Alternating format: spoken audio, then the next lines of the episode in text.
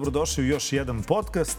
Prošle nedelje bavili smo se Savskim nasipom u Beogradu. I ovog puta ćemo se baviti nasipom, ali ne ovim u Beogradu, već onim u Novom Sadu. Aktuelan, nažalost, po, ne baš po dobrom.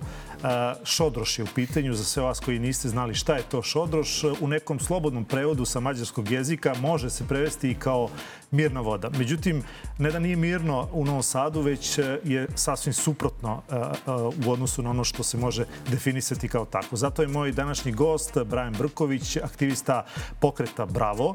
Brajane, dobar dan, dobrodošao. Hvala vam puno na pozivu, bolje vas našao. E sad, e, tebe su ljudi e, naširoko upoznali po tome da si ispred policijskih štitova, a e, ispred takođe svojih saboraca koji ukazuju na ovaj problem koji je nešto što je možda paradigma onog, onog u čemu se naše društvo danas, danas nalazi.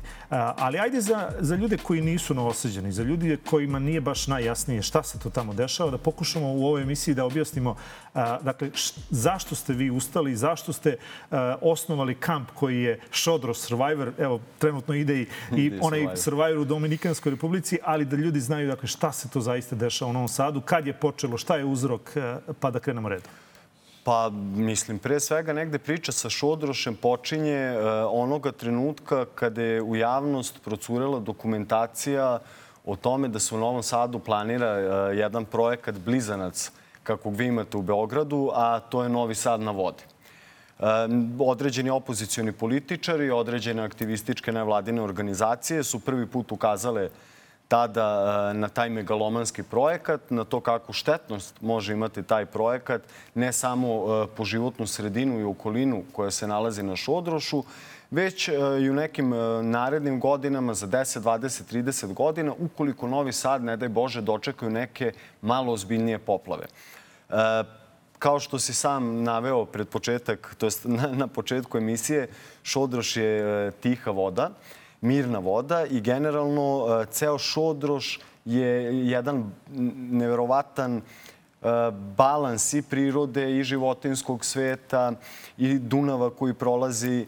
E, tako da generalno stanište je preko 200 zaštićenih biljnih i životinskih vrsta. Čak su bile studije slučaja koje su se bavile time da li Šodroš treba proglasiti spomenikom prirode i mnogo toga je vuklo na tu stranu dok, e, da kažem, nije neki veći kapital ili okrenutost ka kapitalu e, gradskih, republičkih i pokrajinskih vlasti nije u to e, umešala svoje prste. Prva negde problematika koja se otkrila sa tim projektom Novi Sad na vodi koji je planiran jeste što se otuđuje jedan deo zemljišta gde bi za gradnju tog megalomanskog projekta čitava ta jedna prirodna oaza E, morala biti e, srušena, prekomponovana, pod njihovim, e, da kažem, ajde, ja bih rekao pod navodnicima, urbanizovana. Šta ta urbanizacija suštinski zapravo znači, to smo saznavali kako smo više zadirali uz, da kažem, stručni ljudi i struku šta je planirano time. Planirano je i pomeranje nasipa, planirano je, planirano je izgradnja marine, taj most o kojem se priča, koji svakako jeste potreba Novom Sadu, ali postoje različite načine na koje je moguće izvesti e, gradnju jednog takvog mosta. E, naravno, sad to su onako neke stvari koje na prvu loptu kada se zađe u projekat možete da vidite čak i bez onog momenta zadiranja u to da li postoje dozvole, kolika je cena toga, jer često ljudi se, ljudi kod nas navikli smo da posmatramo recimo, ok, Srbija se gradi, evo, često ljudi kažu gomilu puteva se izgradilo, ali nikad ne zalazimo u to koliko je cena tog, recimo, kilometra autoputa ili u ovom slučaju kolika je cena mosta, zašto nije bilo tendera, zašto je jednom to proglašeno za projekat od e, nacionalnog značaja. E, borba se intenzivirala onog momenta kada nenajavljeno i protivzakonito je u junu prošle godine izvršena seča oko 20 stabala na, na, na tom delu Šodroša, e, gde su se ljudi, aktivisti odmah organizovali, odmah smo se alarmirali, podigli e, i osnovali Šodroš Survivor Camp kako bi bili straža u tom delu da se ta seča dalje ne bi nastavljala. Kada kažemo protivpravna i protivzakonita seča, to nije neka naša paušalna izjava, Jednostavno na to ukazuju činjenice, nije bilo nikakve dokumentacije kod, kod radnika koji su vršili tu seču.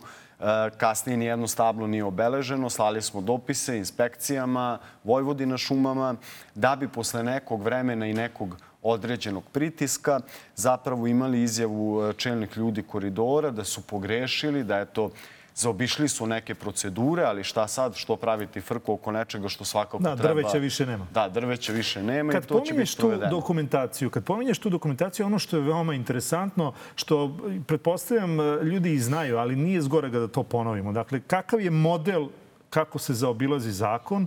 Dakle, e, dve institucije državne su dale svoje mišljenje o tome zašto ovo ne bi trebalo raditi, pa se onda šta desilo da, sa da, tim da, da. institucijama? To je, to Jedno je, privatizovano, drugo, drugo smenjena, smenjeno. Znači, rukovodstvo. to je jedna veoma uh, indikativna stvar koja ne govori samo o tome kako se radi u Novom Sadu. To je neki mehanizam koji su oni razvili da ti kada ne možeš da dobiješ neke dozvole, onda to rešavaš na drugi način. Naime, reč je o tome da Voda Vojvodine nisu htele da izdaju, to jest nisu mogle da stave svoj potpis e, na, na potrebne dozvole, zato što u Novom Sadu je veoma dobro poznato da se nasip ne dira. Nažalost, 65. smo imali poplave velike koje su pogodile Novi Sad, kao i 2004. i 5. I uh, kao i u slučaju Savskog nasipa, jednostavno svaka gradnja na nasipu, svako izmeštanje nasipa e, ostavlja jedan problem koji možda ne, nije, nije trenutan, ali se on stavlja po tepih i vlast ga tretira kao, ok, bavit će se neke generacije koje dolaze tim problemom. A kako ćemo objasniti generacijama za 10 ili 15 godina ukoliko se dogodi poplava, što je nasip pukao ili što, ko je kriv za neke veće tragedije? Tako da institut Jaroslav Černje, koji je bio uh, državni institut, je, gledajte, čuda privatizovan. I njega je kupio Millennium Team. Znači, dve institucije koje su rekle ne, e, Jedna je privatizovana, a u drugoj, u drugoj je, zamenjena... U drugoj je zamenjena kompletna, da kažem, zamenjen je prvi čovek Voda Vojvodine. Mislim da se on preziva Vrnđić. On je takođe kadar SNS-a. Znači, to je jako zanimljivo istaći da postoje neki ljudi iz SNS-a koji nisu mogli na to da stave potpis. Da bi njega smenili i doveli jednog onako, da kažem, klasično partijskog službenika i poltrona koji je zapravo tu bio samo da sprovede šta je potrebno uraditi da bi se dalje dozvole dale kako bi projekat mogao da krene u neke dalje faze. E, sa tim u vezi moram da kažem da naša osnovana sumnja e, jeste da zapravo e, ovo što se dešava sa mostom je jedan trojanski konj koji uvodi u priču Novi Sad, Novi Sad na vodi, naš održ. Ajde pojasnimo taj trojanski konj. Da li to ima veze sa time što će ovim projektom, dakle, krupnog kapitala, se izmestiti čak i korito Dunava u 500 metara se dakle zadire u samo korito Dunava. Apsolutno. E, ovde, riziku, ovde se rizikuje budućnost neke generacija koje dolaze, rizikuje se bezbednost građana i bezbednost Novog Sada da bi se sproveo projekat koji generiše veliki kapital individuama i pojedincima. E, primjera radi, cena mosta je varirala od prve pojave gde je bilo, čini mi se, 100 miliona, pa 130, pa na potpisivanju ugovora 170. Tu smo mogli da vidimo taj neki prvi princip da stvari nisu kako treba onoga trenutka kada je to proglašeno za projekat od nacionalnog značaja, što znači da transparentnost procesa odmah opada i da se u to uvodi CRBC kao neko ko e, donira te pare, vrši te radove, to je pare jednim delom se, se uzimaju od Kineza, a navodno računica uvek ide sa tim da oni 20% tog novca daju donosiocima odluka koji su omogućili, omogućili jednu takvu gradnju. Tako da zbog jednog nasilja, izvinjavam se, mm -hmm. kao što je Novi Sad na vodi, gde 97% novosađana ili 98% novosađana neće moći sebi da priušti kvadrat tog stana koji će biti 4, 5, možda i više hiljada eura, se dovodi u opasnost čitav jedan grad i to možemo da pričamo e, na taj način, ali opet mi uvek vraćamo priču i na onaj deo koji je jako važan za prirodu, a to je da se time znači, seče jedna šuma koja je prirodna, prirodni bedem odbrana od poplava, jer svo to drveće negde i upija tu vodu, ali takođe i ta šuma jeste prirodno stanište preko 200 zaštićenih vrste. Ja tu da, volim da kažem, kada pričam sa ljudima, a, ako je profit zaista ispred zaštite životne sredine, probajte da brojite novac i da ne dišete. Nećete uspeti puno novca da, da, da izbrojite. Da se vratimo na ovog trojanskog konja. Dakle, zašto je most, izgradnja mosta Trojanski konj? Zato što izgradnjom mosta se celo to područje, da kažem, će se sravniti sa zemljom kako bi krenuli radovi. Videli ste koliko, koji deo je na Šodrošu sad posečan. E, taj deo predstavlja samo deo koji je sečen za izgradnju pomoćnog mosta sa kojeg će se graditi taj veliki pravi most. U suštini, e, kada počnu ti radovi, kada se devastacija Šodroša dovede do jedne tačke, to će značiti da samo može da se nastavi i da se prebaci sa gradnjom drugih nekih stvari koje se vezuju za Novi Sad na vodi, kao što je recimo ta marina koja je planirana da se, da se izgradi u tom delu gde su Šodroši i Kamenička Ada i Dunavac. E, rekao si malo pre svakako e, gradovima kao što je Beograd i Novi Sad i Niš, dakle većim gradovima su neophodni mostovi, što ih ima više, to je, to je život e, jednostavniji. Apsolutno. Ali e, Pričalo se o obilaznici oko Novog Sada. Tako je. Da li ovaj most, negde sam pročitao da će, ako se izgradi, ako ovo bude realizovano, da ćemo imati obilaznicu u Novom Sadu koja ide kroz srce Novog Sada? Apsolutno. To je e, takođe jedno onako, pošto mi ovde, nažalost, u, u našoj zemlji, u našem gradu, u Novom Sadu, e, mislim, to je simptomatično za celu zemlju, mi nemamo političare, nemamo političke neke odluke koje su pametne, koje koriste javnom interesu, mi sve što imamo je propaganda. Tako da se na nas obrušila ta propaganda sa tezom da smo mi prote razvoja Novog Sada, da eto gužve u gradu sugerišu da je taj most potreban. Taj most svakako jeste potreban. Mi nismo protiv, e, protiv izgradnje mosta. Međutim, e, u celoj toj priči problematične su stvari jer u, u, njihova argumentacija se zastiva na tome da je taj most bio zacrtan tu kao obilaznica, kao što ste napomenuli, još 60-ih. 60-ih je to bio obod grada. I to je imalo smisla. Danas je to maltene kao kada biste na pola podelili grad i napravili neki vijadukt koji treba ljudima da prolaze na nivou drugog sprata. Znači, to nema nikakve logike i, to su onako jedne odluke, to jest niz odluka koje su totalno absurdne, koje zapravo vuku samo na, na, na, na onaj politički princip, ok, ajde mi da zabijemo kamil temeljac, da uzmemo pare u džep, pa dalje šta će se sa tim dešavati, vidjet ćemo kako bude, kako bude prolazilo vreme. Uh... Da li je tajnost tih ugovora identična onoj tajnosti koju mi imamo za Beograd na vodi? Pa po meni je još fascinantnija tajnost. Zato što mi devet meseci bukvalno kampujemo u šumi, stražarimo, vršimo pritiske na sve moguće načine. U to su se uključile strukovne organizacije kao što je Društvo arhitekata Novi Sad. Mi smo više puta podvukli. Nije nam u interesu da ja kao aktivista Brajan Brković sedim sa gradonačelnikom ovako i pričam o tim projektima. Moja reč u tom slučaju nema težinu ali smo zamolili da bi bilo sasvim u redu da predstavnici relevantne struke to bi po našem mišljenju bilo društvo arhitekata Novi Sad koji postoji od tih 60. godina, da iznese svoju argumentaciju ono što smatra problematikom tog projekta. Mi u tih devet meseci nismo videli ni jednu dozvolu. Na Savskom nasipu se pojavio bar gradski urbanista i pokazao neki papir. Nas nisu udosvojili za devet meseci, ne samo nas, nego i struku, da vidi e, bilo kakav ozbiljan dokument, nego smo mogli da vidimo neke paušalne prezentacije u gradskoj kući da su doveli mučenog Vesića Vesića i, i poređali neke vizuale koje ja to sad tobož pokazuju kako će taj most da izgleda. To uopšte nije to što stoji na tim vizualima. Pa onda je Vučević pričao, posečeno je, posjećit ćemo još 20 stabala, zasadit ćemo 20.000 stabala. Ja, to smo čuli. Mislim, čovek nikad nije bio tamo da vidi da li ima prostora za to. Tako da, pored toga što su izostale dozvole, veoma je vređajuća osionost i bahatost političkih, da kažem, figura u Novom Sadu koji bi trebali, treba, gradonačelnik je gradonačelnik svih građana. On ne može da bira kome će da bude dobar, kome će da bude loš. Samo je bilo potrebno pokazati dokumentaciju i dozvole. Mi ne bi bili tu da je toga bilo.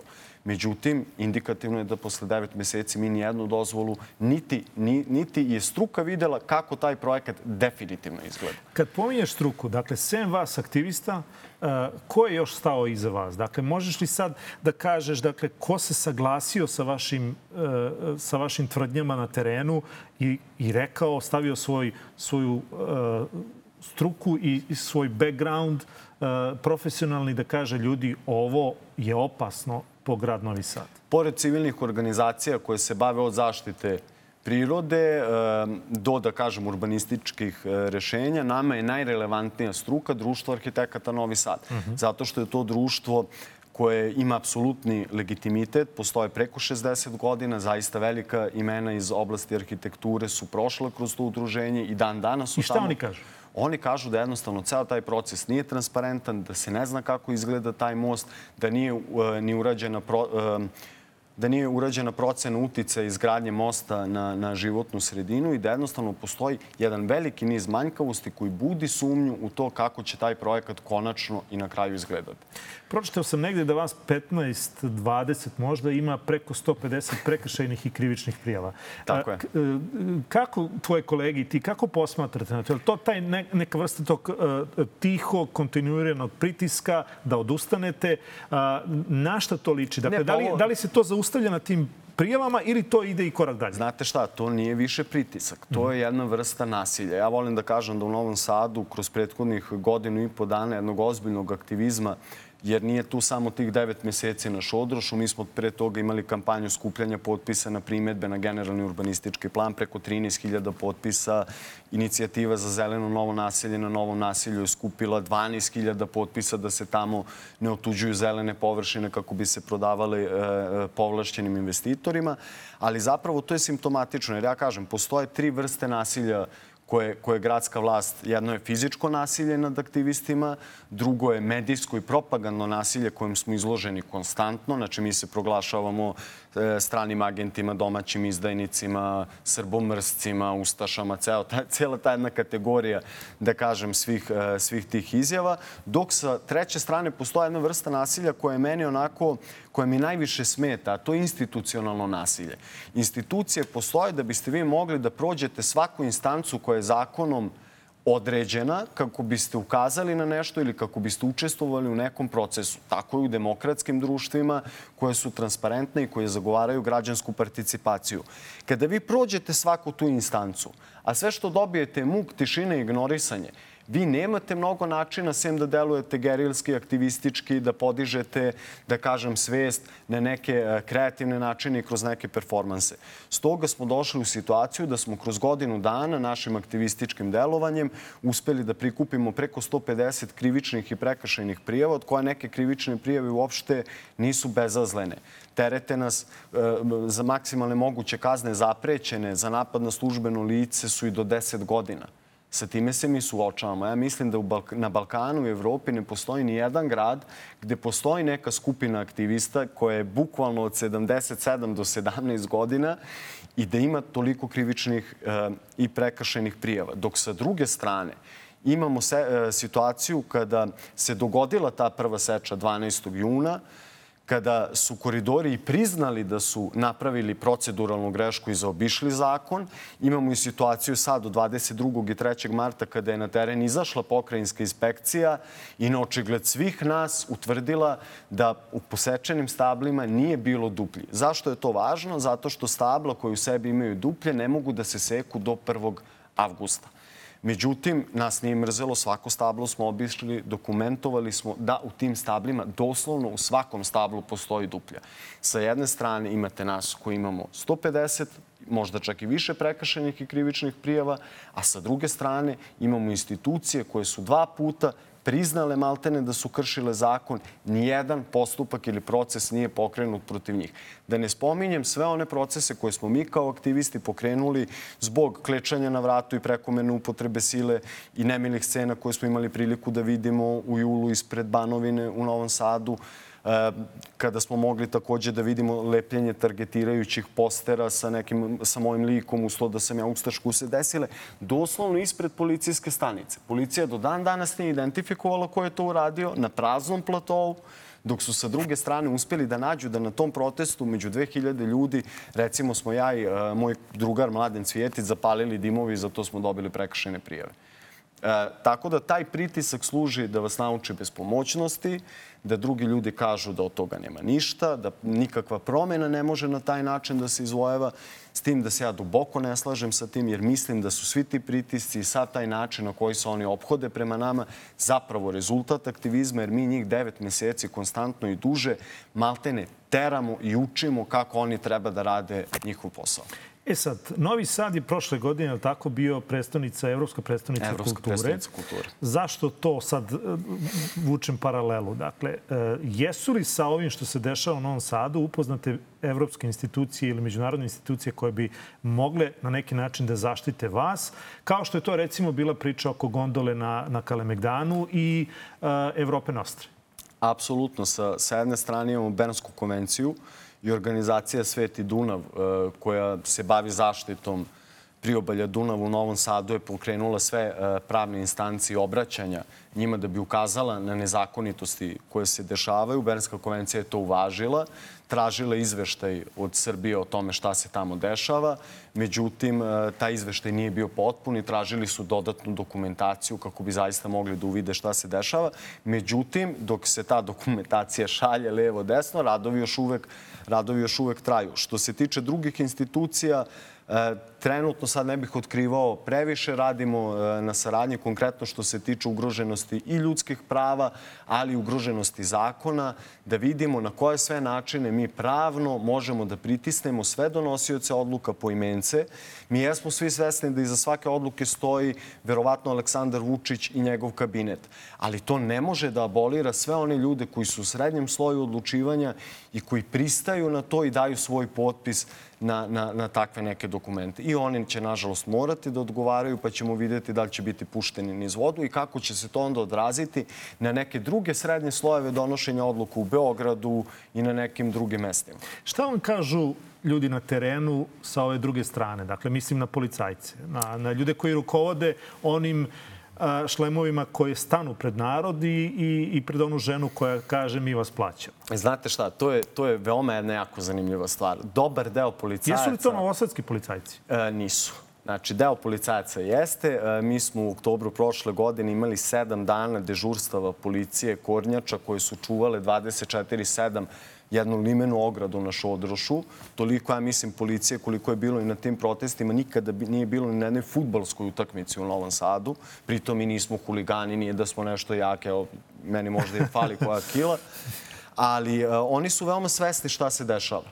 Dok sa druge strane uh, imate ljude koji su po hjerarhiju policije u lancu komande, koji naravno imaju mnogo veću platu od ljudi koji su na terenu, koji nemaju problem da uhapse baku ili deku, koji nemaju problem da penzionere teraju da se vraćaju sa jedne strane Kameničke ade na šodrž preko nekakvih e, mulja i dasaka, jer to njima ne vide oni šta je tu pogrešno. Međutim, ostvarili su kontakt sa nama sve više ljudi e, iz tih, da kažem, najnižih slojeva policije koji nam se javljaju, koji, koji nam otkrivaju neke detalje iz policije, pa samim tim onda i mi e, imamo neki uvid da u policiji nikako nije bajna situacija, jer ja ću podsjetiti, Novi Sad je zaista, ja mislim, jedan poseban primer gde načelnici policije kada se rotiraju, rotiraju se na optuženičkoj klupi. Znači, imali smo Šušnjića koji je sad završio na optuženičkoj klupi, posle njega smo imali Malešića koji je završio na optuženičkoj klupi kao načelnik policije. Danas imamo eh, Gorana Radonjića i drugog čoveka Dramanca koji su takođe bili, dok nisu bili načelnik eh, policije i drugi čovek policije, u procesima za eh, zlostavljanje ljudi u policijskoj stanici. Čak i Republika Srbija morala da plaća odštetu na ime torture koju su oni sprovodili. E, jes, da, da li se može reći ili to pregrubo, da je Novi Sad e, e, možda čak i gori u urbanističkom smislu danas u odnosu na ono što je bio recimo pre 20-30 godina kao jedan grad koji je po nekom austrougarskom principu i tekako bio uređen.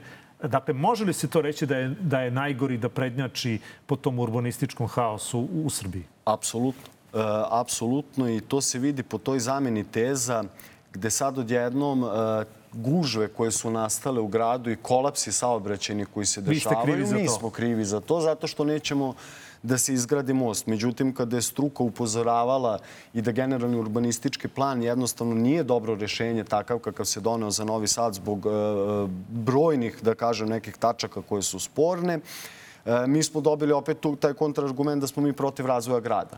Međutim, nekako nam se čini e, da čelnici Novog Sada ne razumeju da je grad jedno, jedan živi organizam koji kako se razvija, trebalo bi da se razvija tako da bukvalno vi možete žmureći da prođete kroz taj grad, da osetite i hlad na svom licu, da osetite i sunce na svom licu i da on bude funkcionalan. E, bojimo se da Novi Sad klizi ka tome da postane jedan krajnje, čak blag bih bio kada bi rekao nefunkcionalan grad sa time šta može sve da se dešava. Nikada u Novom Sadu nisu bile ovolike gužve. I to je tek početak onoga što će se dešavati. Nikada se u Novom Sadu nije dešavalo da imate čitave krajeve grada gde nema jednog stabla. Vi imate telep gde ne postoji park. Mi imamo jednak broj mostova i parkova u gradu. Dobro je imati puno mostova, ali je loše imati malo parkova. Uh, videli se ovde neko svetlo na kraju tunela. To jest, ajde da, da pitam, ima li svetlih primjera gde je građanski aktivizam uspeo da, da odbrani određeni deo Novog Sada? Apsolutno. E, jedan od svetlih primjera je ono što se dešavalo na Novom naselju, kada su samoorganizovane komšije napravili tu neformalnu grupu za zeleno novo nasilje koja je zaista brzo reagovala, skupila je 12.000 potpisa, uspeli, uspeli su da e, uspore neke procese Uspeli su i da učine da garaža koja je trebalo da se gradi ne bude baš tako i tu sagrađena. Sa druge strane imamo limane koji su bili svetla tačka, ja mislim, 2020. E, čini mi se, možda sam sad i pogrešio za godinu, ali, ali e, mislim da nisam e, kada smo dobili prve slobodne mesne zajednice u Novom Sadu, Liman 1, Liman 3, Liman 4, 4, što je izazvalo neverovatnu pometnju u strukturama Srpske napredne stranke, pa smo videli da su čak spremni zbog izbora u mesnim zajednicama gde su komšije pobedile Srpsku naprednu stranku, da dovlače Andreja Vučića, e, da dovlače koje kakve kriminalce, da taj mlađeni junoša Srpske napredne stranke u Novom Sadu, Marko Bosanac, koji je kum njihov, koji dobija svaki tender u gradu, znači od